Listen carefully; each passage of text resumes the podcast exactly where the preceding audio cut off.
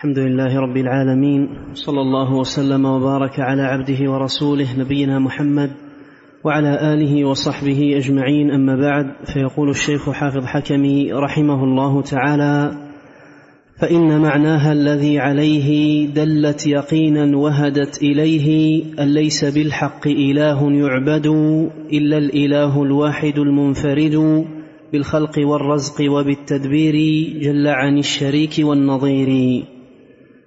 قال فإن معناها أي معنى هذه الكلمة الذي عليه متعلق بقوله دلت بصريح لفظها وهدت أي أرشدت إليه هو أن ليس بالحق متعلق بيعبد إله هو اسم ليس ومنفيها والنكرة في سياق النفي تعم والحكم المنفي يعبد الذي هو متعلق بالحق والاستحقاق.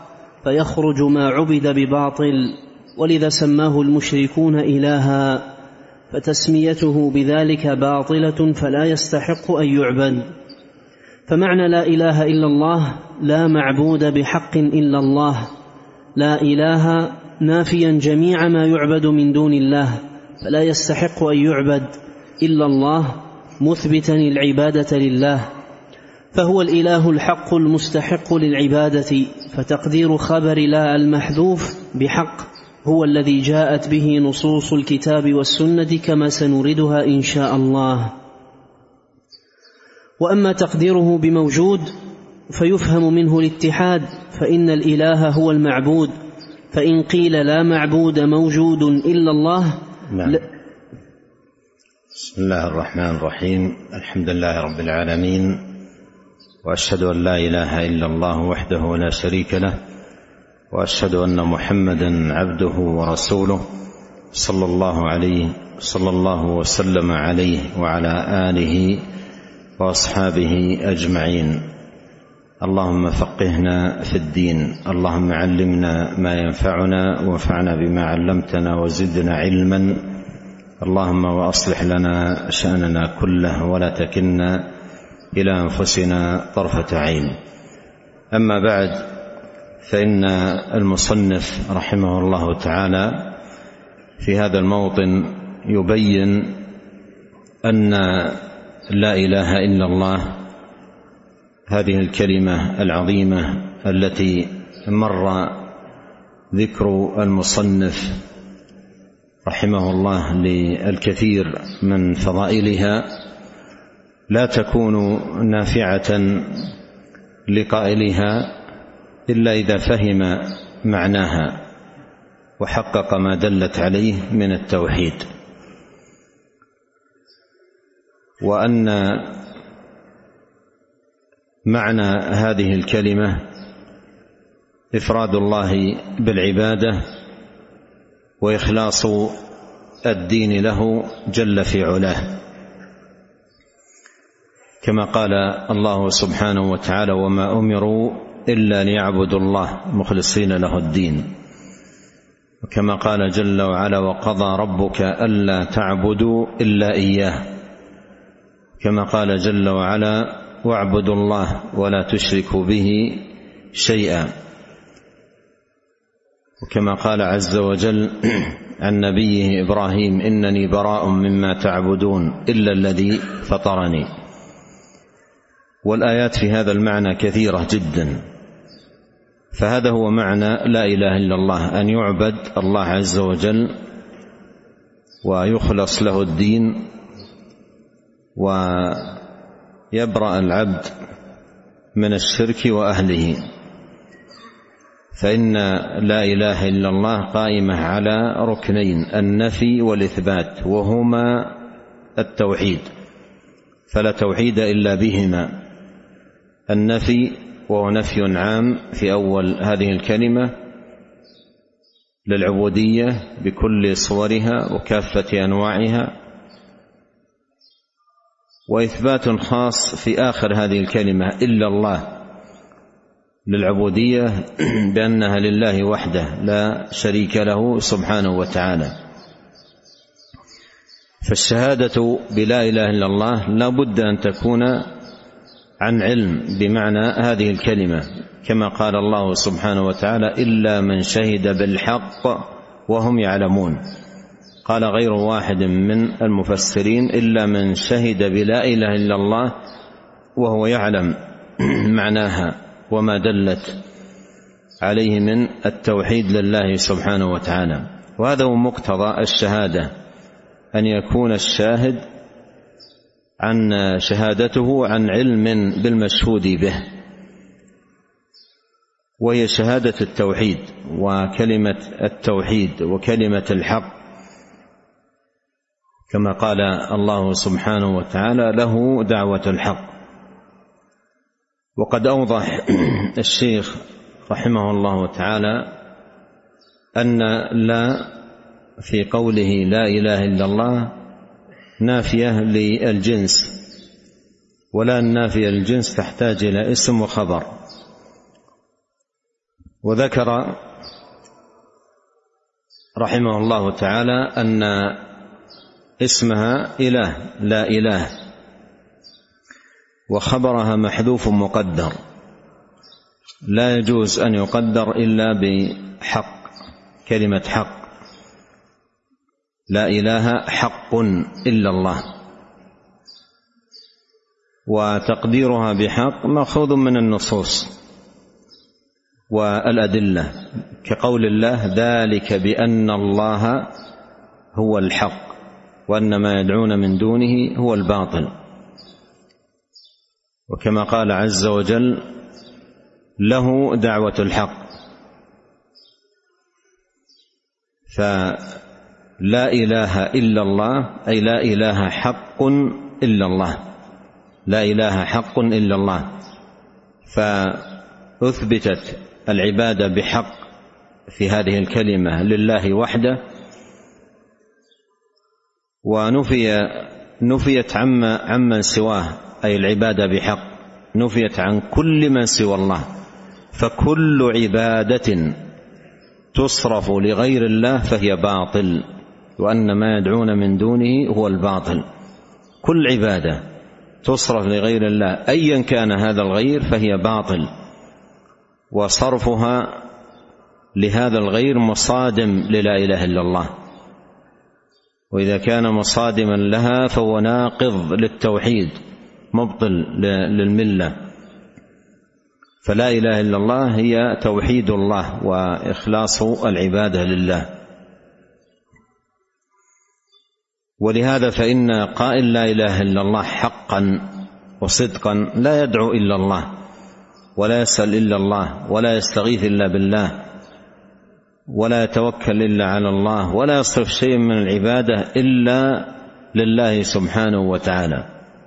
قل إن صلاتي ونسكي ومحياي ومماتي لله رب العالمين. لا شريك له. وبذلك أمرت. نعم. قال رحمه الله تعالى فإذا قيل لا وأما قال رحمه الله وأما تقديره بموجود فيفهم منه الاتحاد فإن الإله هو المعبود. فإذا قيل لا معبود موجود إلا الله لزم منه أن كل معبود عبد بحق أو باطل هو الله. فيكون ما عبده المشركون من الشمس والقمر والنجوم والأشجار والأحجار والملائكة والأنبياء والأولياء وغير ذلك هي الله. فيكون, فيكون ذلك كله توحيدا. فما عبد على هذا التقدير إلا الله إذ هي هو. وهذا والعياذ بالله أعظم الكفر وأقبحه على الإطلاق. وفيه إبطال لرسالات جميع الرسل وكفر بجميع الكتب وجحود لجميع الشرائع. وتكذيب بكل ذلك وتزكية لكل كافر من أن يكون كافرا إذ كل ما عبده من المخلوقات هو الله فلم يكن عندهم مشركا بل موحدا. تعالى الله عما يقول الظالمون والجاحدون علوا كبيرا. فإذا فهمنا هذا فلا يجوز تقدير الخبر موجود إلا أن ينعت اسم لا بحق فلا بأس. ويكون التقدير لا إله حقا موجود إلا الله فبقيد الاستحقاق ينتفي المحذور الذي ذكرنا. لما بين رحمه الله تعالى المعنى الحق لهذه الكلمة العظيمة نبه إلى وجود مفاهيم خاطئة وتفسيرات خاطئة للا إله إلا الله. يجب أن يحذر المسلم أشد الحذر من تلك التفاسير أو المفاهيم الخاطئة لهذه الكلمة. وأيضا ينبغي أن يعلم أن هذه التفاسير الخاطئة لهذه الكلمة هي التي تحرف عقيدة المرء وتبعده عن التوحيد إلى الشرك وعن الهدى إلى الضلال. وهذا يؤكد ما سبق بيانه أهمية العناية بفهم لا إله إلا الله الفهم الصحيح. وانها تعني عبادة الله وإخلاص الدين له سبحانه وتعالى. فلما بين رحمه الله أن المحذوف المقدر آه، في المحذوف المقدر لاسم لا المحذوف المقدر للا الذي هو خبر لا بكلمة حق لا إله حق إلا الله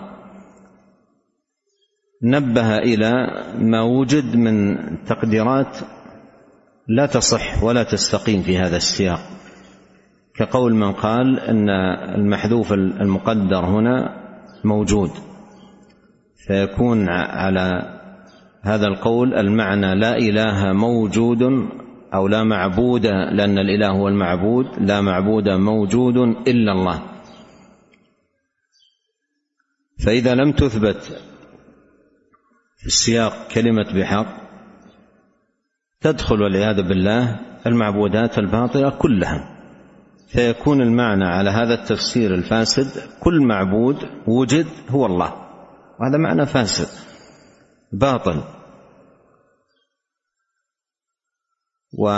وأيضا والعياذ بالله بدل أن تكون الكلمة كلمة التوحيد أصبحت على هذا التفسير الباطل كلمة شرك ودلالة على الشرك وهذا من أفسد ما يكون وابطله والعياذ بالله. ولهذا ما يجوز أن أن يقال إن المحذوف المقدر موجود فيكون معنى لا إله موجود إلا الله لأن كل إله وجد فهو الله. على هذا التفسير الفاسد. لكن إذا نعت الاسم اسم لا إذا نعت بحق زال الإشكال كما وضح الشيخ. إذا نعت الاسم اسم لا الذي واله لا إله حق موجود إلا الله يصح. لأن لأن فيها إثبات الاستحقاق وأنه لله وحده بنعت بنعت إله به. لا إله حق موجود إلا الله. لا إله حقا موجود إلا الله. لا إله حقا موجود إلا الله. يستقيم بهذا. أما بدونه فلا يصح بل يتحول المعنى إلى مفهوم فاسد للا إله إلا الله. وأيضا يخطي آخرون في تفسير هذه الكلمة بحملها على معنى الربوبية وإثبات ربوبية الله وهذا أيضا مفهوم خاطئ آخر لهذه الكلمة. فيقول لا إله إلا الله أي لا رب ولا خالق إلا الله. فيحملونها على معنى الربوبية. لا إله إلا الله أي لا خالق إلا الله ولا رازق إلا الله ولا رب إلا إلا الله. وهذا أيضا مفهوم خاطئ في التفسير لهذه الكلمة. لأن لو كان هذا معناها لما أنكر ذلك المشركون لأنهم كانوا يقرون أنه لا رب إلا الله ولا خالق إلا الله. لكن لما قال لهم النبي عليه الصلاة والسلام قولوا لا إله إلا الله تفلحوا. أي شيء قالوا؟ أجعل الآلهة أي المعبودات إلها واحدا. إن هذا لشيء عجاب. فعرفوا أن هذه الكلمة تبطل المعبودات كلها وتنفيها وتبين أنها باطلة وتثبت العبادة لله سبحانه وتعالى وحده.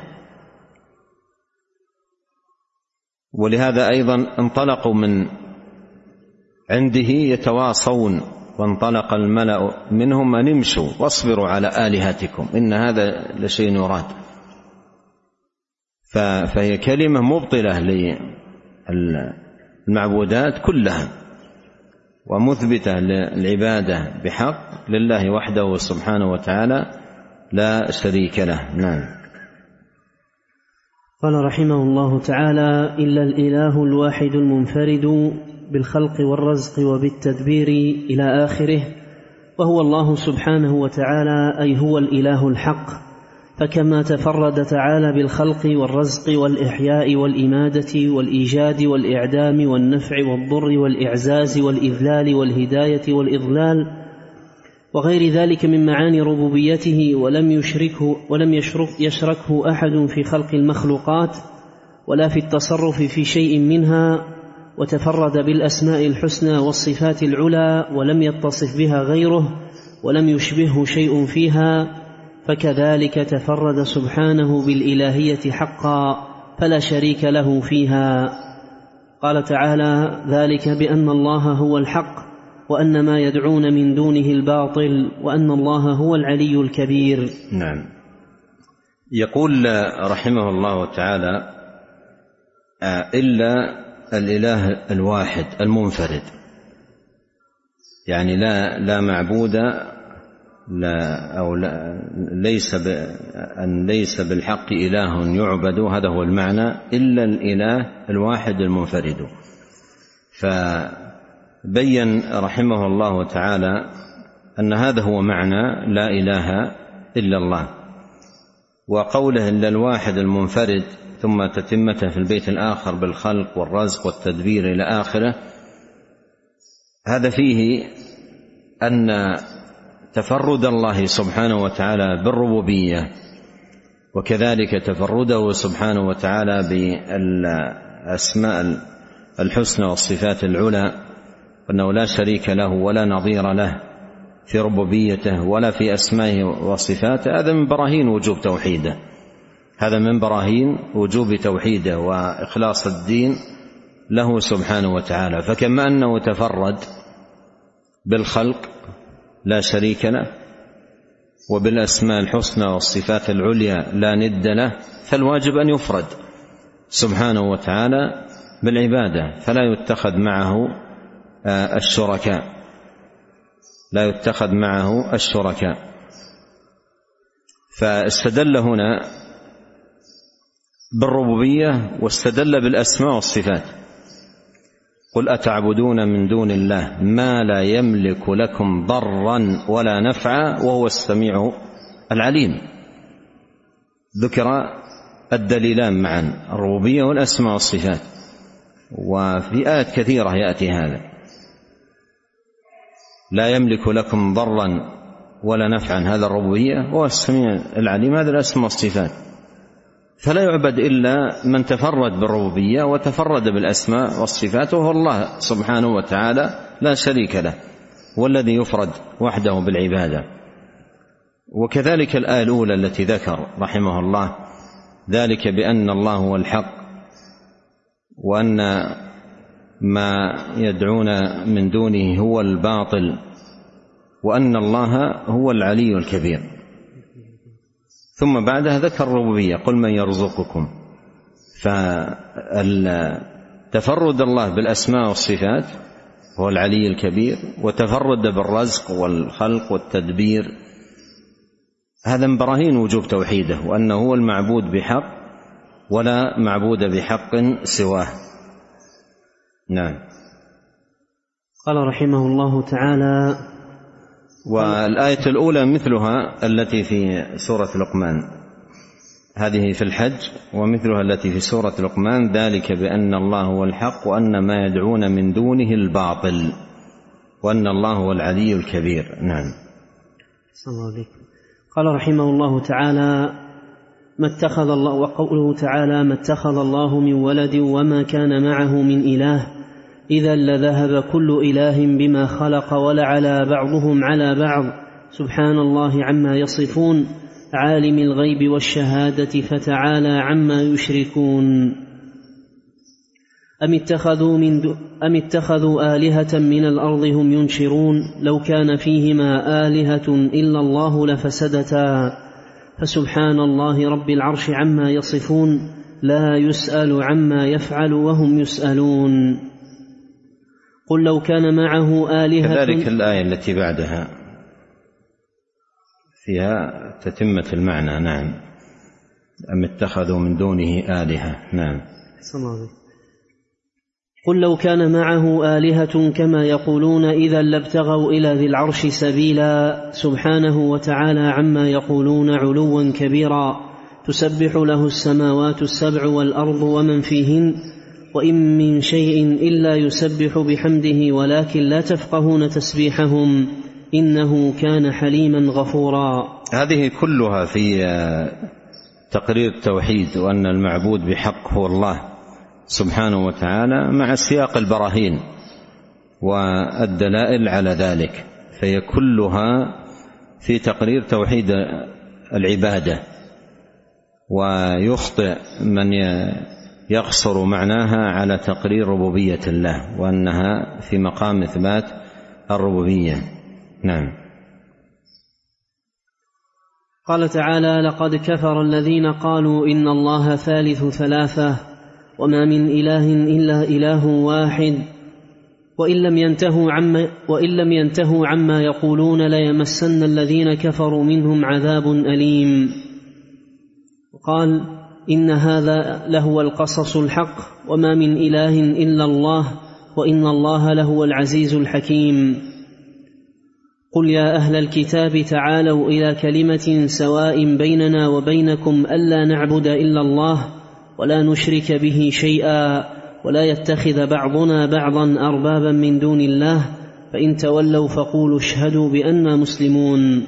الكلمة السواء التي أمر عليه الصلاة والسلام بأن يدعو أهل الكتاب إليها إلى كلمة سواء هي كلمة لا إله إلا الله. وذكرت هنا في هذه الآية الكريمة بمعناها. ذكرت بمعناها. قال كلمة سواء بيننا وبينكم ما هي؟ قال ألا نعبد إلا الله ولا نشرك به شيئا ولا يتخذ بعضنا بعضا أربابا من دون الله. هذه لا إله إلا الله. وهي الكلمة السواء الكلمة كلمة الحق كلمة الشهادة. نعم. قال رحمه الله تعالى قوله قل أفرأيتم ما تدعون من دون الله إن أرادني الله بضر هل هن كاشفات ضره؟ أو أرادني برحمة هل هن ممسكات رحمته؟ قل حسبي الله عليه يتوكل المتوكلون. نعم كذلك من أول من أول الآية آه، قوله ولا ان سالتهم من خلق السماوات والأرض ليقولن الله. قل فرأيتم ما تدعون من دون الله. إن أرادني الله بضر هل هن كاشفات ضره؟ أو أرادني برحمة هل هن ممسكات رحمته؟ عندكم قل قل أفرأيتم؟ نعم. قل أفرأيتم. وعندي قل أرأيتم. هذه توضح لكم ما سبق أن الشيخ رحمة الله عليه كان يكتب الآيات من حفظه. فالآية من أولها الآية من أولها في في تقرير هذا المعنى توحيد الله ووجوب إخلاص الدين له بسياق البراهين على ذلك ألا وهو تفرد الله سبحانه وتعالى بالربوبية والخلق والتدبير لا شريك له. إن أرادني الله بضر هل هن كاشفات ضره؟ أو أرادني برحمة هل هن ممسكات رحمته؟ قل حسبي الله. أي الله وحده كافيني من كل شيء ومن كل ما أهمني. وأيضا كافيني في كل ما أرغب فيه وأطمع. ولهذا انتبهوا إلى فائدة مستفادة من هذه الآية. نبه عليها شيخ الإسلام بن تيمية رحمه الله وهي أن كلمة آه، حسبي الله تقال في الشدائد وفي الرغائب. تقال في الشدائد وهذا معروف متكرر عند كثير من الناس وتقال في الرغائب في الأمر الذي ترغب في حصوله. تطلب كفاية الله لك فيما أهمك مما أنت محتاج إليه. كما أنك تطلب كفاية الله لك فيما أهمك مما أنت خائف منه وتخشاه. ولهذا هنا ذكر في الآية أمران. قال إن أرادني الله بضر هل هن كاشفات ضره؟ أو أرادني برحمة هل هن ممسكات رحمته؟ قل حسبي الله. هذا عائد على ماذا؟ على الأمرين معا. على الأمرين معا. يعني في خوف الضر حسبي الله ونعم الوكيل. وفي طلب الرحمة حسبي الله ونعم الوكيل قل حسبي الله. قل حسبي الله في رغبائك فيما ترغب وقل حسبي الله أيضا فيما تخشى وتخاف. الذين قال لهم الناس إن الناس قد جمعوا لكم فاخشوهم فزادهم إيمانا وقالوا حسبنا الله ونعم الوكيل. هذا قول لها في أي مقام؟ في مقام الشدة. هذا قول لها في مقام الشدة. وكما أنها تقال في آه، مقام الشدة أيضا آه، تقال أيضا في في مقام الطلب. نعم. قال رحمه الله تعالى وقال تعالى مثل سيؤتينا الله من فضله ورسوله. قل قل حسبي الله. في قال سيؤتينا الله من فضله ورسوله. إنا إلى الله راغبون. نعم. وقال تعالى قل أرأيتم شركاءكم الذين تدعون من دون الله؟ أروني ماذا خلقوا من الأرض؟ أم لهم شرك في السماوات؟ أم آتيناهم كتابا فهم على بينات منه بل إن يعد الظالمون بعضهم بعضا إلا غرورا. فهم على بينات من الأمر على بينات منه بل إن يعد الظالمون بعضهم بعضا إلا غرورا. بينات؟ بينة نعم. وقال تعالى قل أرأيتم ما تدعون من دون الله؟ أعد التي قبلها. وقال تعالى قل أرأيتم شركاؤكم الذين تدعون من دون شركاءكم نعم. قل أرأيتم شركاءكم الذين تدعون من دون الله أروني ماذا خلقوا من الأرض أم لهم شرك في السماوات أم آتيناهم كتابا فهم على بينة منه بل إن يعد الظالمون بعضهم بعضا إلا غرورا.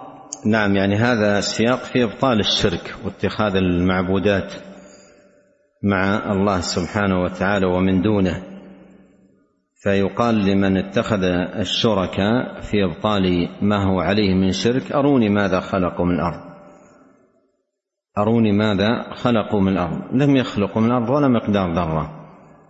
مثل ما جاء في الآية الأخرى قل قل أرأيتم ما تدعون من دون الله؟ قل أرأيتم ما تدعون من دون الله؟ أروني ماذا خلقوا من الأرض والتي في سورة سبأ. قل أرأيتم؟ قل ادعوا نعم. قل ادعوا الذين زعمتم من دون الله. لا يملكون مثقال ذرة. قل ادعوا الذين زعمتم من دون الله. لا يملكون مثقال ذرة. مثلها أيضا في سورة الإسراء. قل ادعوا الذين زعمتم من دونه. فلا يملكون كشف الضر عنكم ولا تحويلا. نعم. قال رحمه الله تعالى وقوله قل أرأيتم ما تدعون من دون الله أروني ماذا خلقوا من الأرض أم لهم شرك في السماوات ايتوني بكتاب من قبل هذا أو أثارة من علم إن كنتم صادقين ايتوني بكتاب مثل أم آتيناهم كتاب كتابا في الآية التي قبلها. وهذا فيه بيان أن العقيدة لا تصح إلا بكتاب منزل من الله. هذه فائدة مهمة تستفاد من هذا السياق. العقيدة لا يمكن أن تكون صحيحة إلا بكتاب منزل من الله وحي من رب العالمين. كل عقيدة ليس عليها كتاب من الله منزل وحي من رب العالمين فهي باطلة. ومما أبطل به الأنبياء عليهم السلام شرك المشركين هذا التقرير. هذا التقرير الذي هو أنه لم ينزل فيه وحي من الله لم ينزل فيه كتاب آه، من الله سبحانه وتعالى. إن هي إلا أسماء سميتموها أنتم وآباؤكم نعم ما أنزل الله بها من سلطان. ما نزل بها كتاب من الله. ائتوني بكتاب. ائتوني بكتاب يحمل البينة والبرهان على صدق هذا العمل. فكل عمل ليس عليه كتاب من الله وحي من رب العالمين فهو باطل. نعم. قال رحمه الله تعالى وقوله قل من رب السماوات والأرض؟ قل الله. قل أفاتخذتم من دونه أولياء لا يملكون لأنفسهم نفعا ولا ضرا. قل هل يستوي الأعمى والبصير أم هل تستوي الظلمات والنور أم جعلوا لله شركاء خلقوا كخلقه فتشابه الخلق عليهم قل الله خالق كل شيء وهو الواحد القهار وقوله قل إنما أنا منذر وما من إله إلا الله الواحد القهار رب السماوات والأرض وما بينهما العزيز الغفار نعم يعني هذه آه، هذه الآيات كلها تقرر توحيد العبادة بالاستدلال عليه بتفرد الله سبحانه وتعالى بالربوبية والخلق لا شريك له وبتفرده سبحانه وتعالى بالأسماء الحسنى والصفات العلى لا ند له. ونسأل الله الكريم أن ينفعنا أجمعين بما علمنا وأن يزيدنا علما وتوفيقا وأن يصلح لنا شأننا كله وألا يكلنا إلى أنفسنا طرفة عين وأن يغفر لنا ولوالدينا ولمشايخنا ولولاة أمرنا وللمسلمين والمسلمات والمؤمنين والمؤمنات الأحياء منهم والأموات اللهم اقسم لنا من خشيتك ما يحول بيننا وبين معاصيك ومن طاعتك ما تبلغنا به جنتك ومن اليقين ما تهون به علينا مصائب الدنيا. اللهم متعنا بأسماعنا وأبصارنا وقوتنا ما أحييتنا واجعله الوارث منا واجعل ثأرنا على من ظلمنا وانصرنا على من عادانا ولا تجعل مصيبتنا في ديننا ولا تجعل الدنيا أكبر همنا ولا مبلغ علمنا ولا تسلط علينا من لا يرحمنا. سبحانك اللهم وبحمدك أشهد أن لا إله إلا أنت أستغفرك وأتوب إليك. اللهم صل وسلم على عبدك ورسولك نبينا محمد وآله وصحبه. جزاكم الله خيرا.